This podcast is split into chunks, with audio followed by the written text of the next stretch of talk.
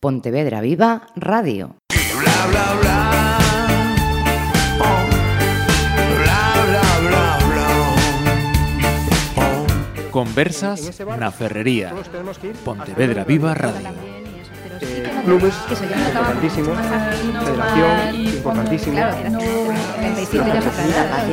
Y la paciencia, la paciencia. acercan a ese niño al deporte y después Saludos. eh, estamos eh, entre dos jornadas festivas. Se acaba de celebrar el, Día de la Constitución Española. Y aquí en Pontevedra Viva Radio, en Pontevedra Viva, nos hemos eh, planteado, oye, pues teniendo en cuenta todo lo que está pasando, lo que ha pasado de 2015 a esta parte y lo que puede pasar en lo que queda de 2017-2018, mm, ¿por qué no planteamos una tertulia con diputados y senadores? Y aquí los tenemos. Eh, voy a comenzar por mi derecha. Mm, Nos representa o representa a la Cámara Alta una mujer, Vanessa Angustia, eh, senadora por Marea y senadora en, ese, en esa le- legislatura, no legislatura 2015-2016 y ya en esta 2016, ¿no es así? Sí, así, así precisamente. Gracias por, por, ese- por traerme aquí. Pues eh, eh, repite porque la del fallo primero, te tenía yo aquí apagada en el ah, micrófono vale. y, y, y, no, se, no se nos ha escuchado del todo. Vale, pues bueno, pues, así, hola, gracias, gracias por convidarme aquí. Efectivamente, así foi, senadora na non legislatura uh -huh. e, e senadora xa neste, neste período. Eh, e Nova, máis, eh, Nova en, en política, no? Eh, temos tamén eh, a Tomás Fole e a Guillermo, por tanto, a, con, con menos experiencia na, na política, hemos decirlo así, ou sí, estou errada? Con menos experiencia institucional, é certo Ajá. que o meu, o meu primeiro cargo público. Uh -huh, perfecto. Eh, polo Grupo Popular, eh, de, deputado Tomás Fole, eh, anteriormente eh, coñecido como alcalde de Pontevedra políticamente con cargo público. Benvido tamén a estes eh, micrófonos de, de Pontevedra Viva. Moitas gracias, bueno, alcalde de Vila García. Ujú. ¿eh? ¿Qué dije? ¿Pontevedra? Pontevedra, Sí. no Ah, vamos a bien, al vale. alcalde Con perdón del señor Lores, eh, me- señor Lores, aquí no venimos a saltar a ninguén. ¿eh? Bien, llevo, llevo yo un comienzo estupendo. Bien, bien, vamos bien, vamos bien. Eh, Guillermo me, Meijón, que sí que estivo na Corporación de, de Pontevedra, eh, como diputado, canto, canto tempo? Cantas, eh, o Pois falábamos eu, eu estive en seis anos de concelleiro en Montevedra, seis anos no Parlamento de Galicia e agora estou cumprindo seis anos no, no Congreso. Ujú.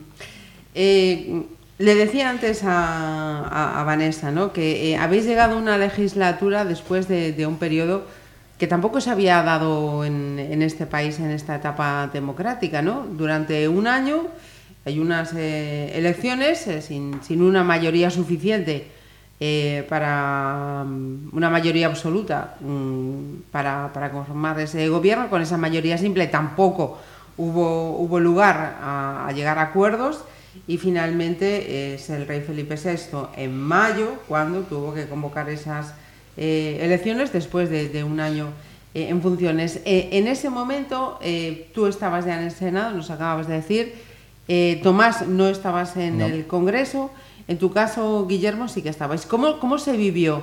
Eh, y con permiso de Tomás, que en este caso, o también puedes intervenir y ver cómo lo viste Después, desde fuera, ¿no? Por supuesto. Eh, ¿cómo, ¿cómo, se vivió ese, ese año también especial dentro de las Cortes? Bueno, eu estaba ali e efectivamente foi un, foi un ano anómalo no sentido de que efectivamente non se pudo constituir un goberno pero quero dicir que non se pudo constituir un goberno porque Algúns non quixeron votar a Pedro Sánchez como presidente do Estado. Si fora así, en este momento o presidente sería Pedro Sánchez e algún terán que respostar no seu día porque permitiron que Mariano Rajoy acabara a presidencia deste país. Uh -huh. Si daquela o grupo de Podemos apoyara a investidura de Pedro Sánchez entrando ou non entrando no goberno, en este momento as circunstancias serían ben distintas. Uh -huh. Vanessa, no, no teu caso eh, no Senado sí. o do que acaba de... de...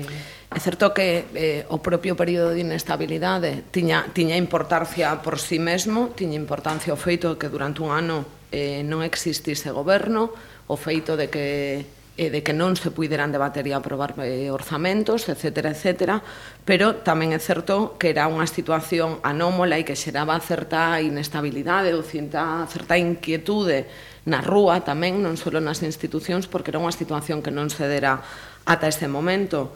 Porque non existiu unha maioría de esquerda que gobernase, porque non foi investido o presidente Pedro Sánchez, porque non se pode actuar demagóxicamente fronte ás necesidades eh, que nos levan a actuar na, no espazo institucional, no espacio legislativo das Cortes Xerais neste caso, E o que nos abordamos foi isto como un pacto, pero como un grande pacto de blindaxe e de reconstitución dos dereitos fundamentais. Este pacto non foi alcanzado, este falto non foi alcanzado, porque se pretendía unha investidura sin chegar a profundizar nos acordos tantos de blindaxe e de recuperación de dereitos sociais como de blindaxe de sectores estratégicos dende o punto de vista de eh, recursos públicos, etc. etc. Por eso non se puido. Había vontade, había vontade polo chamado Bloque do Cambio, polo espacio de confluencias de, de Podemos, de Izquierda Unida e de determinadas forzas territoriais representadas no Congreso dos Deputados e do Senado, e non puido ser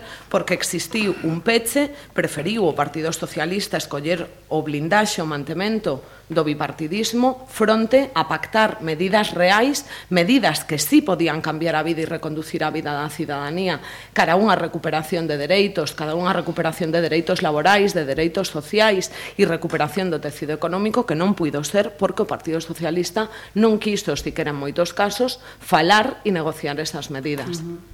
A ver, eh, eh, eu obviamente sí. non estou de acordo con ese relato que me parece bastante demagóxico o que si sí podo decir que si sí, hubo un gran cálculo electoral de, de Podemos porque pensaban que se había outras eleccións iban a incrementar a súa base electoral e o número de diputados uh -huh. e por suposto que si sí, hubo intención pero bueno, o resultado quedou aí gracias a esa actitude de, de ir a por todo para quedar en nada Mariano Rajoy presidente do goberno eh, o, o certo é o que dende fora a cidadanía eh, estaba eh, preocupada vendo o, o que estaba a pasar, non?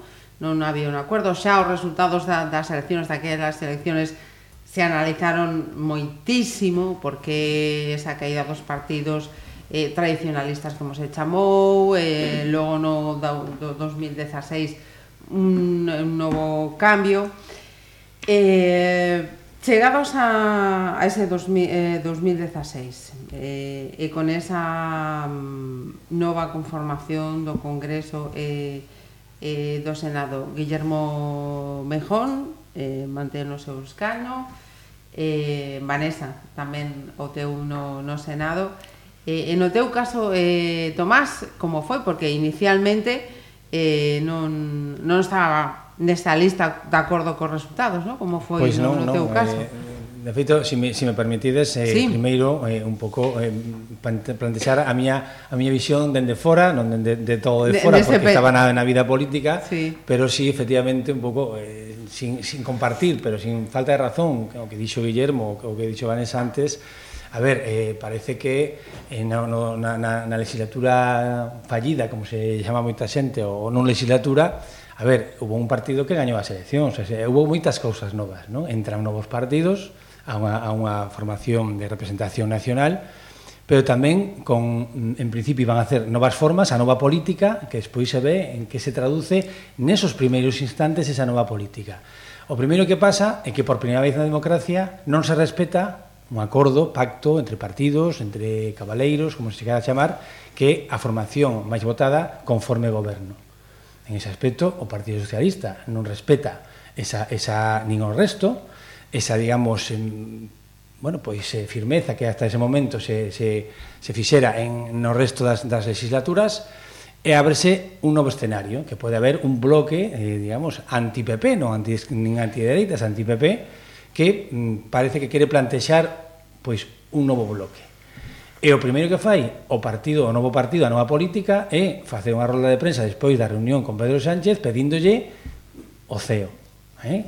eh, vicepresidencias, ministerios e o control absoluto casi casi do goberno por enriba dese posible presidente do goberno. Eso pasou, ou non nos, acor, non nos lembramos, non? O sea, hubo un partido que ganou as eleccións que foi o Partido Popular e non se respeta eh, en positivo os, os, os acordos que en todos os anos anteriores incluídos os primeiros non? De, de, de, de principios de democracia que efectivamente así pasou non? Eu xa entrando no, no, no, no, no como entrei eu pois eh, foi diferente a, a, a como entrou pois eh, Guillermo e Vanessa, pois eu estaba eh, acompañando a compañeiros en, no número 5 na, na, nas listas, erais, que sempre digo en plan humorístico, e que quedo que quedo que creo quero que quede en este plan humorístico, non? Que eu lle debo quizáis o meu o meu escano a, a ese a ese desencontro Pedro Sánchez Pablo Iglesias que hubo que repetir eleccións, en esas segundas eleccións eu tiven a, a sorte uh -huh. e a honra de, de poder entrar pois a formar parte unha vez que Irene Garrido pois se, non, se conforma goberno na, na decimosegunda legislatura uh -huh. e nomeada secretaria de Estado entón en ese momento producese un movimento de listas en onde eu teño a sorte de, de entrar no, no mes de novembro Uh -huh. A, a ver, Tomás está dicindo que o PP gañou as eleccións. Vamos a matizar. Si por, por gañar as eleccións entendes que sacou máis diputados que outros grupos, tes toda a razón do mundo. Bueno. Pero eso non significa ganar o goberno ni ganar a presencia de goberno. Totalmente o, de acordo. A presencia eh? de goberno, o goberno a, a consigue aquel que é capaz de contar cunha maioría estable no Congreso para poder exercer esa función. Ben. E o PP foi incapaz no seu día de poder facelo, esta vez o conseguiu, pero daquela nunca pudo conseguir, non existía ningún pacto de que tiña que ser a forza que tuvera máis diputados uh -huh. ao que gobernar a probadelo, que hai moitos sitios hai gobernos conformados non precisamente, incluso o PP tamén, uh -huh. por aqueles que non teñen a maioría de diputados. entonces está claro que o goberno o consigue, que conta con unha maioría estable para poder gobernar, así foi sempre na democracia e así foi ata agora. Se si daquela a maioría estable a conseguira Pedro Sánchez, Pedro Sánchez sería presidente de goberno, se a conseguira Pablo Iglesias, Pablo Iglesias conseguir a Rajoy e Rajoy, el presidente do goberno, pudo conformar un goberno. Pero estaría, estás de acordo comigo, Guillermo, que si, si no primeiro momento, ¿no? pois pues como pasou en, en outras legislaturas, partidos socialistas, tengas o señor Pedro Sánchez, astiverase eh, ou, ou tuvera algún, alguna medida, decir, efectivamente, recoñezo, non conformo o goberno, no, pero, pero, pero hai, hai un resultado electoral. Que, si for o revés, perdona, Guillermo, que Mariano Rajoy que, que o, intentou, renunciou ante o rei a presentarse no, no, siquiera como acordas, candidato. Pero ti te acordas as primeiras, as primeiras conversas que si hubo con Pedro Sánchez, es que a decir, es que ni siquiera quiero sentarme en unha mesa. O sea, como podes eh, sentarte Perdona, aquí? Pedro si, Sánchez, un debate bueno, hoxe, eu creo, eu creo que Pedro Sánchez hoxe, entendía que, porque que podía... Mesa, porque unha mesa e podemos falar, non? Pero, si, evidentemente, ou non nos lembramos xa de no, no, no... no pero vamos, no, a, vamos a falar en serio. Decir, caso, Pedro Sánchez hay, quería conformar unha maioría estable e me reconocerás que estaba en todo o seu dereito. Sí, e entendíamos os socialistas que éramos capaces de conformar unha maioría estable. Lamentablemente non foi posible, pero con toda a libertad do mundo, como igual Mariano Rajoy fixo despois, tirou, uh -huh. pero quero dicirte que na primeira legislatura Mariano entendeu que era incapaz de facelo e por eso ante o rei non non de unha forma creo que moi responsable. Bueno, creo que creo que a clave, creo que a clave a situación política actual non está nos desencontros previos de quen gobernaba ou non, sino sino en como se chega a acordos coas maiorías parlamentarias e aí a verdade é que creo que non podedes discutir tanto porque porque chegades a bastantes acordos de blindaxe bipartidista que deixa absolutamente fora outras maiorías. Vanessa, creo acordo, que se pode, peche, creo que se trata, creo que se trata de falar, ¿no? creo que hai unha maioría da que non se está falando que é unha maioría social. O Partido Popular pode dicir que goberna, evidentemente, pero non pode dicir que goberne cun respaldo maioritario social Por qué? Porque o partido o goberno o Partido Popular, un goberno en minoría e un goberno que se sostén con menos de 30 votos de cada persoa, de cada 100 persoas con dereito a voto. Isto parece que o Partido Popular non o entendeu, ou parece que si sí o entende, pero que precisamente pretende blindar o seu goberno como se si fora un goberno de maiorías. Lembremos, por exemplo, os vetos que o goberno de Mariano Rajoy exerce cada día no Congreso dos Deputados e no Senado. Tentamos cantas leis, cantas propostas legislativas dunha maioría social foron vetadas polo goberno de Mariano Rajoy. Aquí, Guillermo, creo que pode estar de acordo comigo, tamén hai moitas propostas legislativas do Partido Socialista vetadas polo goberno sin ningún diálogo. Isto é gravísimo. Non se trata de que o goberno diga que non pode aplicar leis porque non hai orzamento ou simplemente porque non coincide coa súa ideoloxía.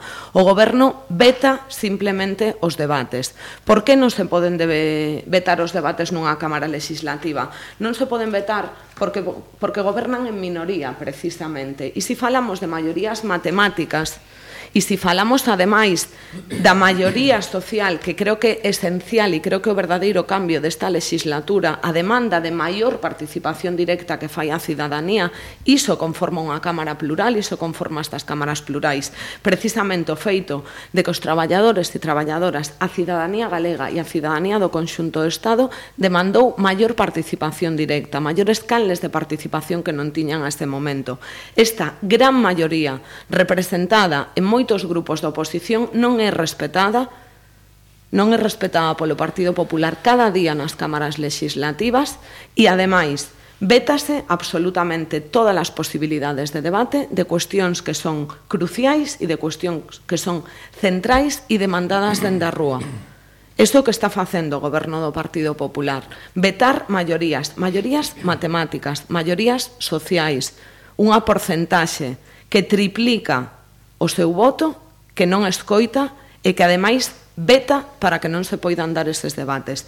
Iso é crucial e é o terceiro piar que entra a traballar co poder executivo do goberno e co poder legislativo e que precisamente fai que esteamos neste novo escenario político e neste espazo de debate que en moitos momentos non se deu. Que Que afecta isto a Galicia? Pois isto, por exemplo, a Galicia afecta no feito de estar presentando continuamente propostas legislativas ou propostas non legislativas tamén que afectan directamente á cidadanía galega. Falo de, por exemplo, eh, xubilacións dos traballadores e traballadoras do mar, falo da prórroga ilegal que fai o goberno de Mariano Rajoy de Ence durante, durante o período de non goberno, durante o período de goberno en funcións, falo do debate da 50 2017, falo de debates vetados polo goberno que responderían a necesidades inmediatas e que non se están deixando ter eses debates. A eso entramos os novos grupos, a eso chegou en Mareo o Congreso e o Senado, a poñer precisamente a Galicia no centro dos debates do Estado e a resolver problemas reais, non perdernos en discusións ou en partidos de en partidos de tenis que en, la, que en realidade non nos levan en absoluto a ningunha parte. A mí parece moi ben o tema dos partidos de tenis. Eu con, con Vanessa vou estar de acordo en que efectivamente hai vetos do goberno que non se sosteñen. A mí, estou na área de educación, preocupa moito o veto a derogación da LOMCE, que ten, contra o que temos presentado nós unha iniciativa, e foi vetada. Eh, o que si non vou estar de acordo en no que insinou o principio cando dixo que fomentábamos, parece ser que o PSOE, eh, elementos de bipartidismo co PP que estábamos aí. En este momento, a maioría de iniciativas legislativas e non legislativas que se aproban no Congreso están apoiadas polo PSOE e por Podemos. Iniciativas do PSOE que apoia Podemos, iniciativas de Podemos que apoia o PSOE. Eso é a gran maioría das iniciativas que saen adiante. Si eso é que nós estamos apostando polo bipartidismo Partido Popular que veña Dios e o vexa, non? Pero, bueno, eu entendo que é un discurso que interesa neste sentido. E, por suposto, Galicia e moitos partidos que poñemos aí, nós temos tamén moitas iniciativas presentadas, tamén podo estar de acordo con ela, non? que é infumable o voto con respecto á transferencia da P9, O sea, non pode ser, ademais, que algo votado por unanimidade en Galicia, con un presidente da Xunta que di que vai defender todo este tema, que di que ten peso en Madrid, chegamos ali e o propio Partido Popular do señor Feijóo vai dice, non, isto queda vetado, isto nin siquiera se pode debatir, que se matice. Bueno, Guillermo, aí en Madrid nos quedamos solos en marea debatir. defendendo defendendo o acordo unánime do Parlamento de Galicia en Madrid, nos quedamos solos en marea defendendo que había que levantar este veto a transferencia perdona, da P9. Perdona, perdona sí, creo que estás, creo que estás para equivocada que no en ese tema, eh. Vamos, vamos, a, vamos a meter un pouco de sinceramente, medio, eh? sinceramente a, creo que estás creo que estás bastante equivocada e temos votado a favor desa transferencia e temos apoiado mirade, que viñera o Parlamento Parlamento de Compañeiros Galicia, de mesa. eu te diría que repasar os diarios de sesións. O, o, que, o, que, o que penso que, que, que vale, aparte eu primeiro que quero decir tamén agradecer a, a Pontevedra Viva a oportunidade non? De, de, de achegar esta vida parlamentaria a, a todos os pontevedreses que, que nos votaron, a cada un de nós, uh -huh. evidentemente, a nosas formacións, porque eu sí que é unha que ten unha visión que teño, non? Dende, dende a vida política, xa antes tamén na vida local, que, que sempre se di que é máis preto do cidadán, pero sempre hai esa esa liasanía, esa falta de visión, non? Decir, mm, criticase moito o que facemos o que non, e cando realmente queremos explicarlo, pois te encontras con un muro, unha parede que a xente parece que non interesa moito porque son temas o que non controla, tampouco ten que o cidadán ter, ter información de todo, aunque debería, porque ao final é o responsable de votar de cambiar goberno, son os cidadáns. Non? Tomás, está ben, pero poñedes vetos, eh? está ben pero, eso, pero, pero bueno, vetos. non, a mí o que me gustaría era, decir, a ver, eh, non se, se acaban de aquí frases, non? o PP goberna sin legitimidade social, A ver, eso eh, aquí hai que falar con propiedade e eh, con sinceridade, o sea, hai un partido que ven, gañan as eleccións, non ten unha maioría para confar goberno na primeira vez, na segunda sí, e a partir de aí non pode estar sempre con a mesma cantinela, non teñen legitimación, o sea, ou non nos votaron máis persoas, máis españois que ao resto dos grupos. Ben, a partir de aí hai unha pluralidade, hai un, un reparto de escanos, un reparto de diputados que son o que forma goberno, o que conforma goberno na segunda oportunidade conforma goberno.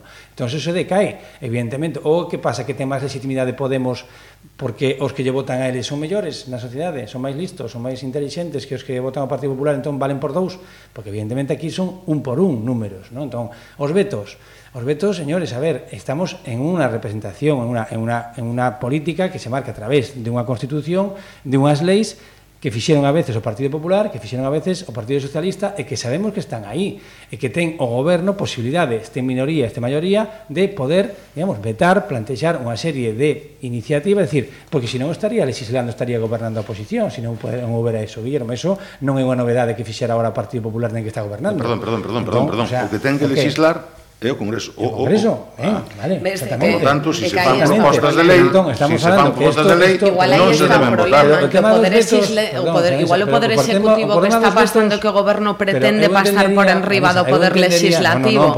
Cando falamos de maiorías, non falamos de votos cualificados. Claro, pero estabas, pero estabas malinterpretando, non sei se intencionadamente ou non, a calidade dos votantes. Non se trata de calidade.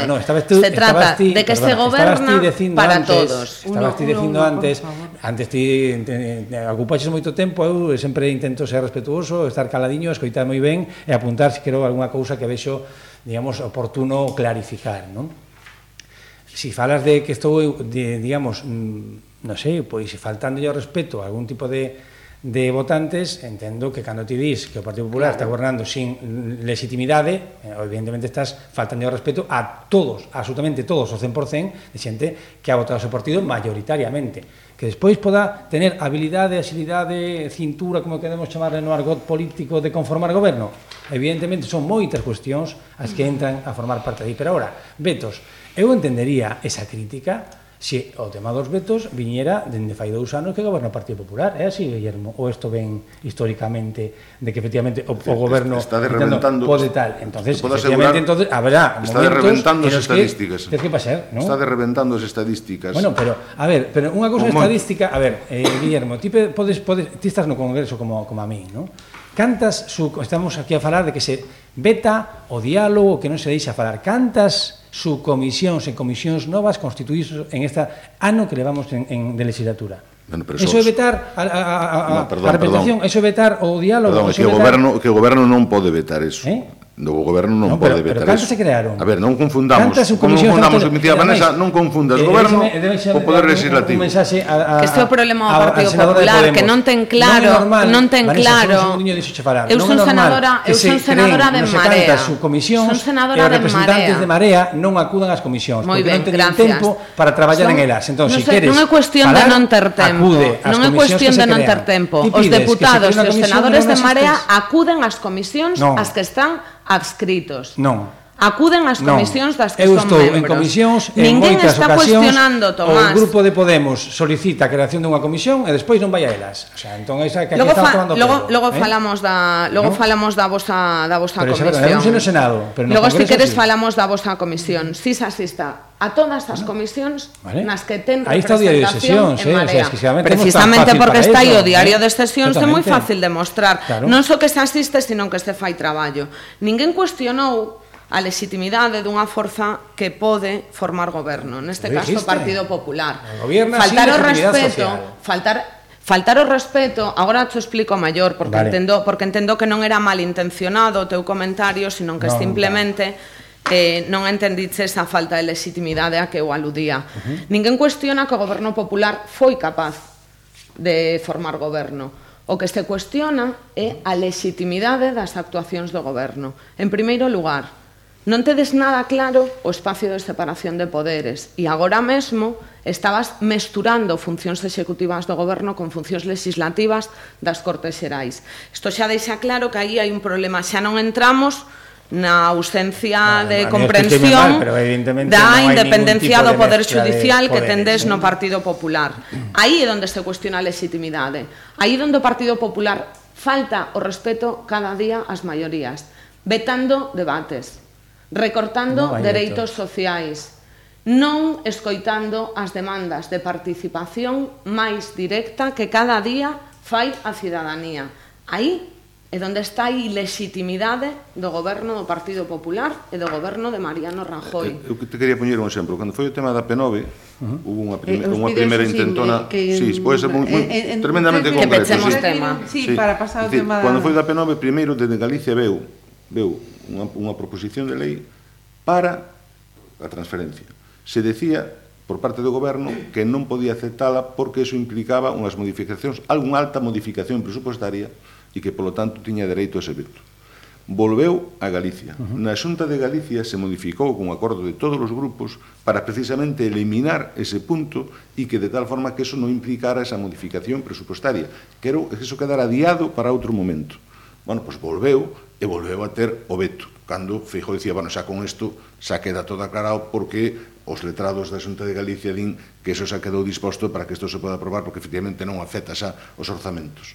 Bueno, pois volveu a ser, a ser vetada, me entendes? Entón, está desreventando as estadísticas claro. de veto E a verdad que eso doi porque efectivamente o que se está impedindo é debates, a debates, máis porque logo seguramente mesmo... os que vimos con isto igual non temos a maioría de votos para poder sacar adiante, pero o que se impide xa é o propio debate. No, eh, Guillermo, agora mesmo na, na tema da P9 penso, a ver, eh, non é a cousa fácil, o sea, o que prentexen as diferentes comunidades fácil. autónomas respecto ao goberno central que ten que mirar para 17 comunidades autónomas. Estamos de acordo en eso, non? Ben, Entón, aquí o que se fai por primeira vez, tamén, por primeira vez.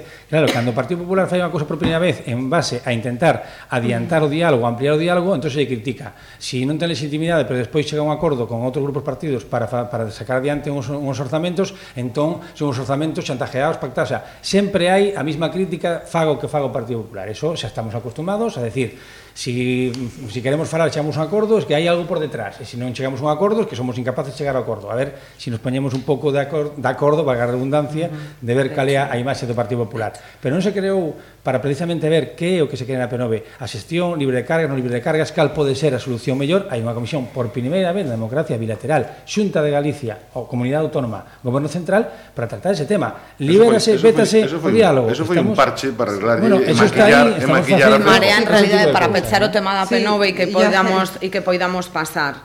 Eh, en Marea preguntámonos dúas cousas. Primeiro, porque un acordo unánime tomado na, no Parlamento de Galicia eh, coincidindo a forza de goberno entre o goberno do Partido Popular en Galicia e o señor Feijó e o goberno central, por que non traslada o propio goberno de Galicia, por que non traslada o propio Partido Popular a demanda ás Cortes Xerais, por que temos que facelo en Marea?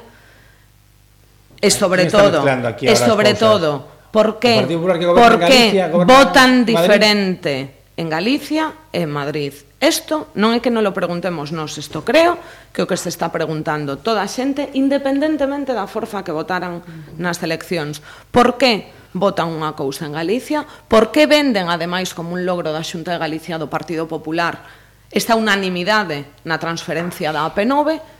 E porque logo os propios deputados do Partido Popular aceptan o veto porque os propios deputados do Partido Popular de Galicia aceptan o veto que o goberno central pon a este debate. Con vuestro me, eh, permiso precisamente esta, esta cuestión, este debate se planteó estos mismos días. Eh, se puede estar de acuerdo o no con su respuesta, pero fue una cuestión que además estos días mi compañero Alex Espiño se lo planteó al presidente de, de, de la Junta y él, él dio su, su, respuesta al porqué de, de, de, esta situación y todo lo que estamos debatiendo. E insisto, se puede estar de acuerdo con su respuesta o no se puede estar de acuerdo con esa respuesta que, dio. Eh, Constitución española. Eh, nos quedarían aproximadamente 20 minutiños de, de, debate, entonces os pido por favor que mmm, respuestas si es posible, no, de, no demasiado, o un debate no, de, no demasiado extenso en las exposiciones. Eh, con todas estas circunstancias previas y, estas de 2017 que, se han sobrevenido, de, la amenaza eh, terrorista exterior, de las circunstancias en Cataluña, Cuando menos es una legislatura eh, diferente y especial para cada uno de vosotros, con connotaciones positivas o negativas, hasta el momento.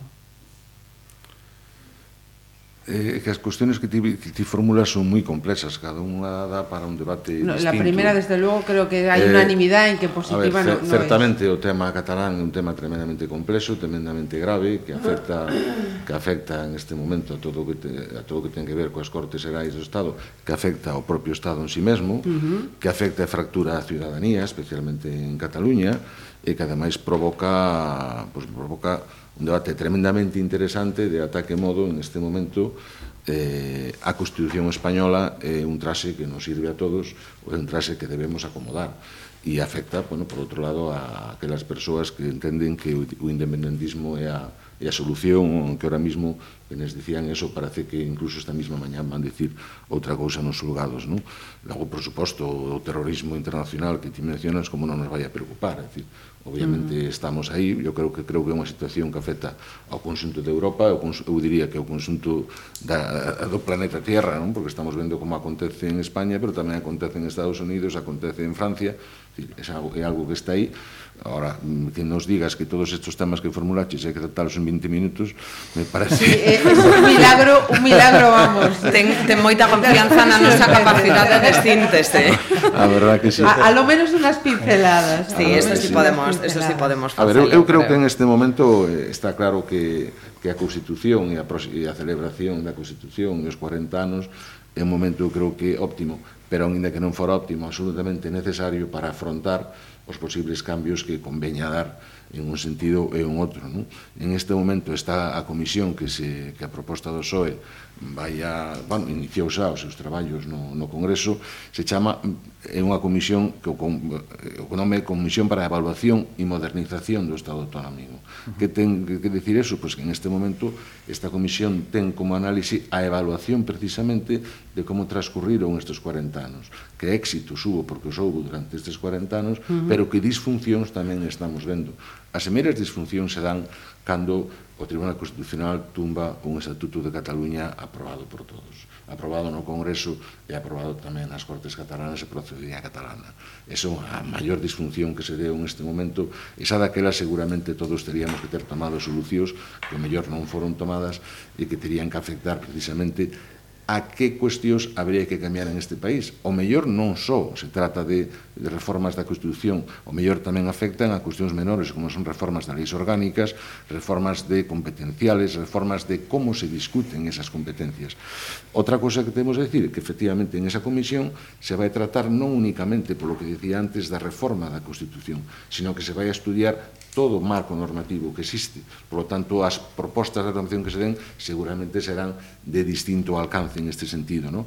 E tamén é moi importante eh, eh, analizar como se toman as decisións en este país. Cando se acadan as solucións, como son, cales son as que teñen que tomarse destas comunidades autónomas, cales teñen que tomarse desde Estado, que tipo de Estado queremos, se si queremos un Estado federal, se si non queremos un Estado federal, haberá que plante, plante, eh, formular todas estas cuestións e a partir de aí o compromiso é que unha vez presentado ese informe desta, desta comisión que empeza agora a funcionar, pois a partir de aí eso ten que pasar á Comisión Constitucional para que eles eh, dictaminen se si son precisas as reformas ou mellor, que reformas son precisas para poder ter ese trase para todo o consunto de España donde todos nos sentamos cómodos. Non? É certo que tamén se vai falar do modelo de financiación, pero por menos nós non queremos, e nos acompañan outros partidos en esta, en esta decisión, non queremos que aí sea coordenada, porque hai o Consello, o Consello de Política Fiscal e Financiera, que donde están as unidades autónomas, que obviamente son actores principais para poder debatir e acordar este tema. Ora, obviamente que pode haber propostas eh, en este sentido, por suposto, que as vai haber tamén. Uh -huh. Eh, Tomás, sí. tamén eh, financiación, estado de autonomías, estado federal tamén son esas cuestiones, digamos, máis extensas, profundas, eh, mm, peleagudas entre comeñas. Es que, es que a ver, de, claro, eh, eu penso que como, como, como di Guillermo, non, eh, non tanto, non, non coincido con tanto no decir no tempo, decir, 40 anos é o tempo para modificar. Ben, penso que temos unha maioría de idade xa un pouco amplia para poder pensar, reflexionar, pero non solo non só por, as, por os anos, sino por as circunstancias, non? Pode ser que tiramos 40 ou 50 ou 60 anos e non producirse, por exemplo, por o tema catalán e outros, é dicir, eh, non haber unha sensibilidade social, é dicir, hai que reformar a Constitución, e a mellor pode haber transcurrido 30 anos e, eh, sin embargo, haber unhas circunstancias que sí obriguen a unha reflexión mm. da, da Constitución, non? O que temos que ter claro é que a Constitución, eu teño o honor e ademais o gusto deste, en nesta legislatura estar como vocal na, na Comisión de Constitucional, tamén abrís unha, unha subcomisión para abordar a, a reforma da lei electoral, A Constitución é un traxe, como ben de Guillermo, pero con moitos complementos tamén. Eh? O sea, a mellor arreglamos o traxe, pero despois a mellor pois, outro tipo de complemento estropea o que estás arreglando no traxe. No? Que quero dicir con isto? Que claro, que a Constitución ademais que nos ha permitido esta Constitución, quizáis o período máis beneficioso e positivo que tivo eh, o país durante toda a súa historia, eh, que hai que ter tamén moi presente, esta, esta Constitución, é que ten moitísimas cousas moi importantes. Estamos a falar de, de a lei electoral. Se si queres modificar a lei electoral, tens que modificar a Constitución. Uh -huh. Pero se si queres modificar a financiación autonómica, tamén queres modificar a Constitución. Uh -huh. E se si queres modificar o modelo territorial, tamén tens que modificar a Constitución. E se queres modificar as competencias eh, locais ou autonómicas ou de modelo territorial, tamén tens que modificar a Constitución. Entón, o que está plantexando é algún peche de algún partido ou un bloqueo absoluto a decir non se pode falar da modificación da Constitución, non o vexo.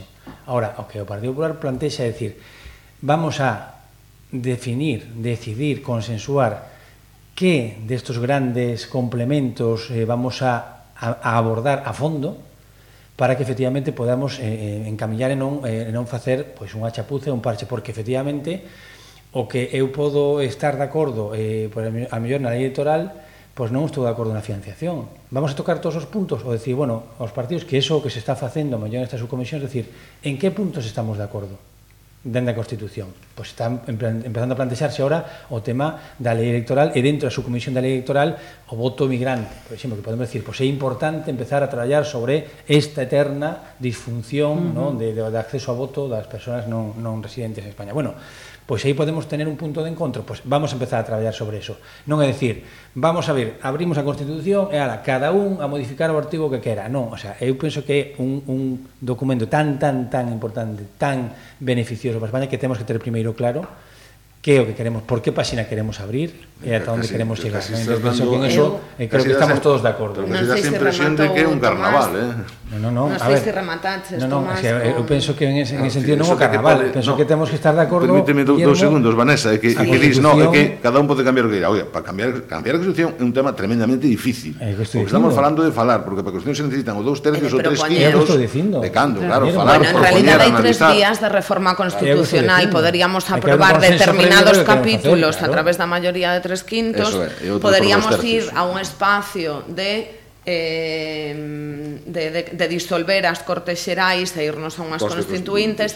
e a min, permi, e a min permitídeme que diga que hai unha terceira vía que ha tomado o Palacio de Inverno. En realidad hai tres hai tres vías, pero dito isto si, si remataches, eu bueno, vou a discrepar. eso, eso cadra como saltar os ceos fíjate teu líder, sí, sí, pero bueno. Vou a, vou a discrepar, porque creo que o análise que se está facendo é parcial. Creo que o problema máis complicado. Creo que o problema é que os pactos constitucionais que sosteñen o réximen dos 78 momento están esgotados. Están esgotados porque ningún destes pactos sirve xa a clase traballadora.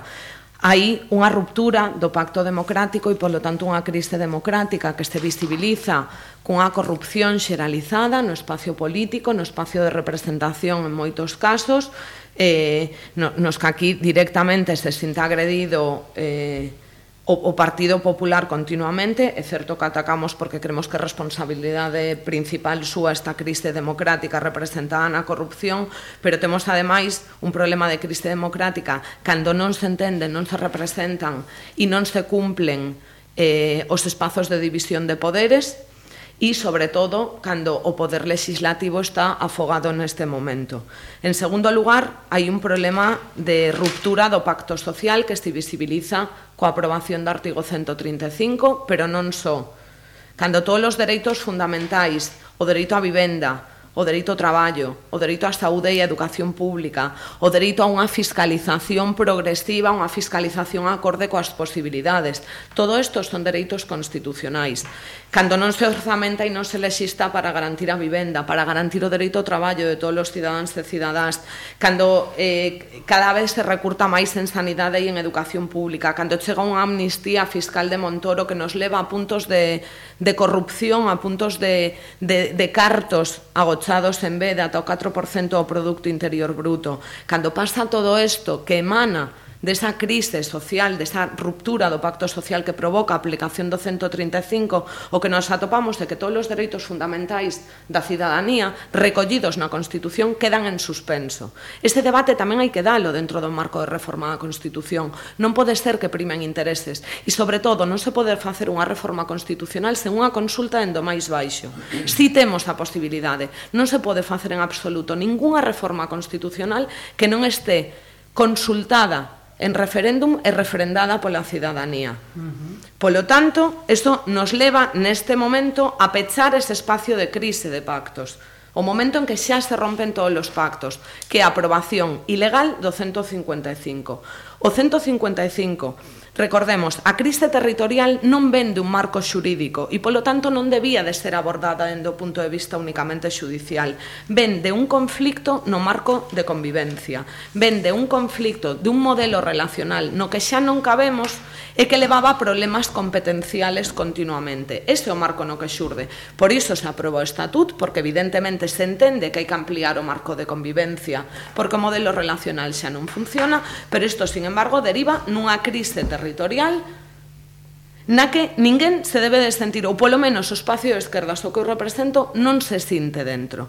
Por que? Polo que estou dicindo, primeiro, o marco de debate de reforma constitucional debe de ser máis amplio. E segundo, a nós non nos representa nin os recortes da dereita catalana, nin os recortes da dereita española.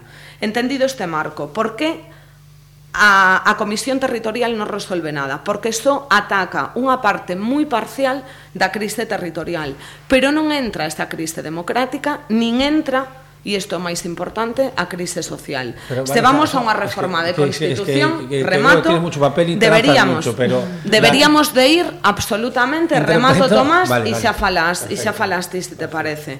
Bien. Si queremos facer unha reforma constitucional, primeiro, deben de ser recollidas demandas e deben de ser consultada a cidadanía e logo ah. o marco de debate ten que ser moitísimo máis amplio do marco que ten esta comisión territorial, esa comisión territorial creada. Non podemos ter medo de dar debates que se nos está demandando que demos e ademais temos a responsabilidade de abordar esas reformas dende todos os puntos de vista, non só parcialmente dende un, precisamente por unha cousa que decíades antes, de que cambiar a Constitución é moi difícil. Bueno, pois igual non se pode estar abrindo debate de reforma constitucional, pero neste momento é importante abrilo, é importante abrilo dende os tres piares, dende o modelo relacional territorial, dende a crise democrática e, sobre todo, dende o marco de crise social que debe abrirse a Constitución para garantir e blindar dereitos fundamentais que están en suspenso agora mesmo. Tomás.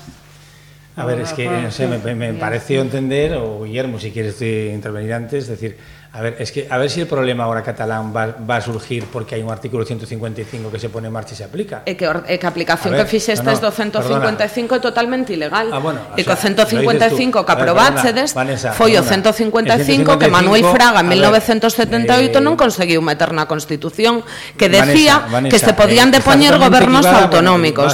E o que di o 155 non estou equivocada. Fue o que di en Canarias que o que di o 155 é que se poden eh? enviar protocolos Entonces, sí. aos gobernos autonómicos, Vanessa, non de poñer gobernos Vanessa, autonómicos. Vanessa, eh, eh a ver, cuando si, si quieres ler la interpretación que tú quieres o tu partido quiere no, de un É o que di a doctrina constitucional. Hablar, ¿Me dejas hablar? Eu quería doctrina, vale, eu quería doctrina Ya leíste todos los papeles que traías preparados para tomar. Ven, aquí no leí una charla papel, tal para para para un poco adoctrinarnos Bueno, yo creo que ya somos mayorcitos y cada uno tiene su forma Precisamente de por eso non se pode engañar. Estás ahora mismo aquí en Pontevedra Viva, poniendo en cuestión todo lo que se ha planteado en el Parlamento de España, en el Parlamento claro. catalán y, que, y, todo patas arriba. O sea, todo lo que se ha planteado que lleva el visto bueno, claro, si tú efectivamente las leyes que os, convienen, que os convienen a vosotros o la sentencia que os acusan a vosotros, a algunos de vuestros partidos, de, de, altos ilícitos, no se respetan, pero cuando acusan a los demás y se respetan y son buenas, cuando un juez acusa a uno del Partido Popular es un buen juez, pero cuando acusa a uno de Podemos es un mal juez y no le gusta la sentencia, entonces así evidentemente no hai nada de que hablar. Non no somos nós os que cambiamos xuíces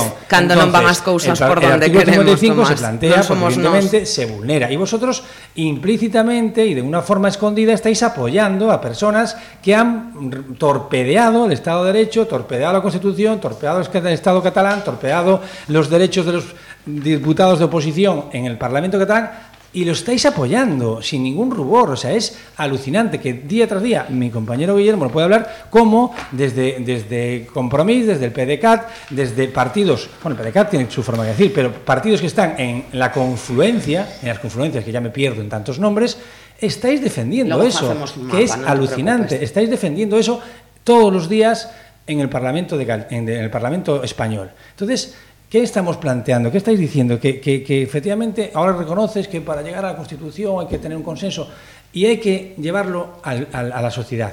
Es que una modificación de la, Constitución tiene que expresión al referéndum. O es que me estás planteando que si decimos ahora vamos a modificar la ley electoral, referéndum para ver si la gente quiere una reforma electoral. Ahora vamos a ver si el marco territorial es, es, es bueno cambiarlo. Vamos a hacer un referéndum para que la gente opine. Hombre, claro. eso es una anarquía. No. Entonces, ¿para qué estamos nosotros? Esto está más de ¿Para qué democracia. estás tú en el Senado? Esto está es- más de democracia. Estamos en una democracia parlamentaria y Esto de, representativa. esto está máis de Parlamentaria democracia. representativa. A non, Evidentemente, non precisa que regulado, non precisa a regulado para cidadanía tener- co Partido para Popular a tu voz la tele. ciudadanía. Ahora, entiendo que evidentemente tienes que darle voz cuando tiene que darle voz y cuando necesita darle voz. Claro. Ahora, non cada duda y además de una si estamos duda, si estamos- un marco de y si estamos convivencia. en- si estamos en una digamos un marco complejísimo de hasta dónde y cómo vamos a iniciar la reforma constitucional entre los partidos políticos donde hay verdaderos expertos, los que yo me saco el sombrero y aprendo día a día, tienen sus dudas a- y han sido elegidos para representarnos y para aclarar esas dudas,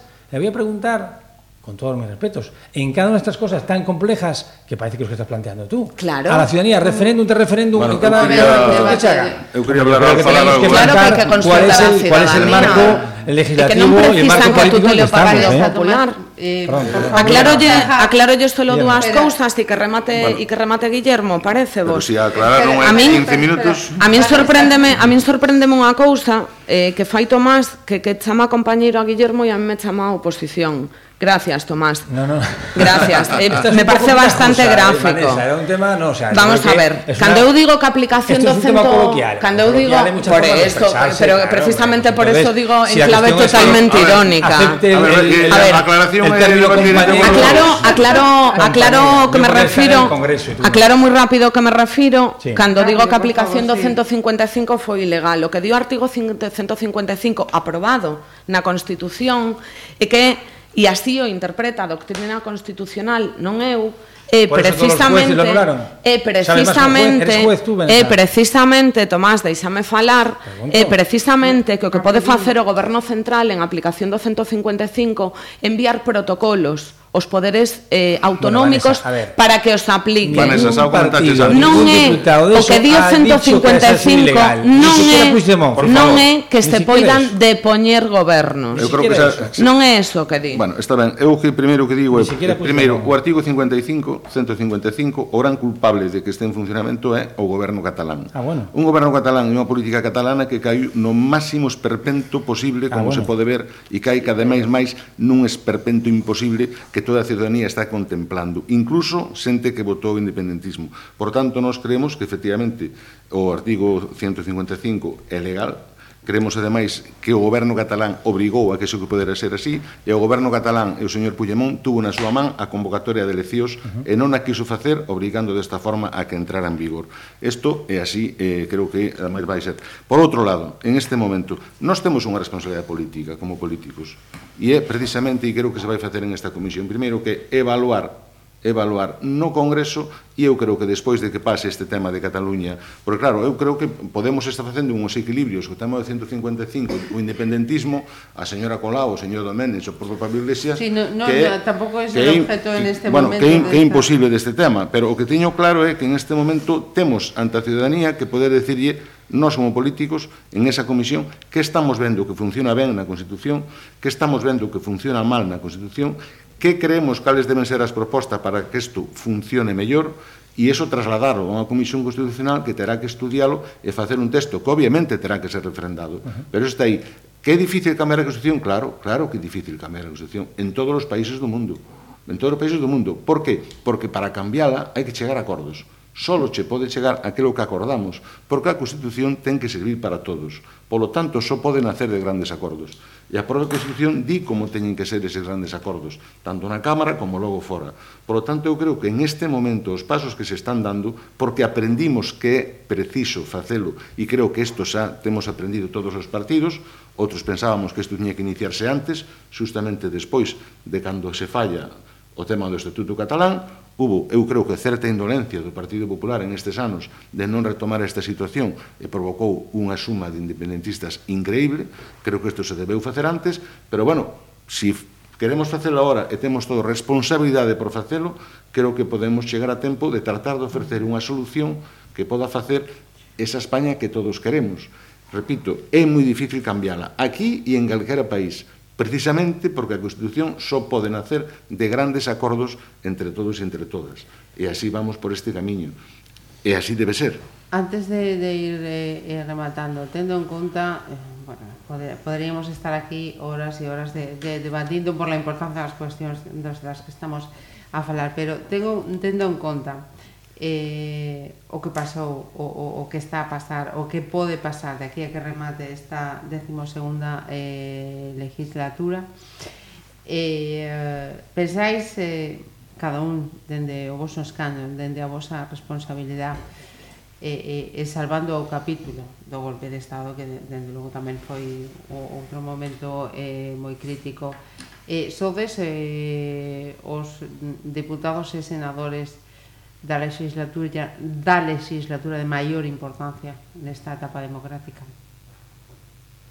A min, a min particularmente parece que é unha das lecturas máis complexas que hai neste país desde a propia Constitución probadero é que precisamente estamos falando de modificar esa Constitución. Eso xa fala da complexidade dunha realidade que, que nos obriga. É dicir, é a propia realidade de como se conforman este país a que nos obriga a, da, a darnos conta todos e todas que necesitamos facer unha modificación nun texto fundamental do que os socialistas estamos tremendamente orgullosos de como se fixo en tempos tremendamente difíciles, pero que agora obviamente necesita un ayornamento.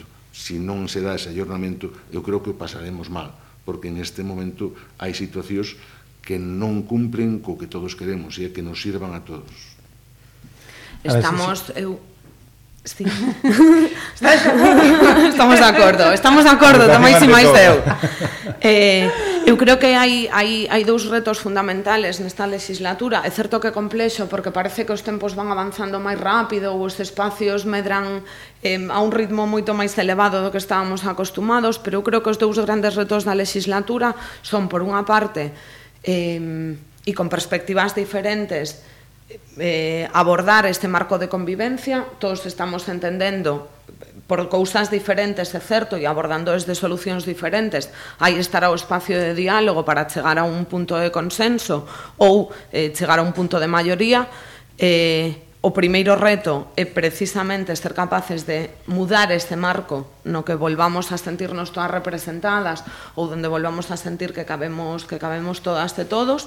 Eso eh, pasará indefectiblemente por valorar a Constitución e por propoñer esta reforma, pero segundo, hai unha demanda de maior participación que precisamente eh, se canaliza non son nos partidos tradicionais, sino na entrada de novas forzas ou na entrada na construcción de novos espacios de, de confluencia, como por exemplo que representa Marea, e que teñen que tratar de canalizar mecanismos de participación moito máis directa á cidadanía. Eu creo que estes son os dous grandes retos que estemos sobre a mesa a abordar durante esta legislatura, que será o longa que sexa, Uh -huh. e, e que moitos dos acordos pode ser que incluso extrapolen a legislatura e teñan que ir máis alo dela, non? Ben, eh, a, mí, a mí me gustaría eh, deixar como, un, como unha mensaxe de, de, de reflexión non? respecto a, a, ao, que, ao papel que estamos xogando. Eu, sin dúbida, de, despois da, da, da inicial, non?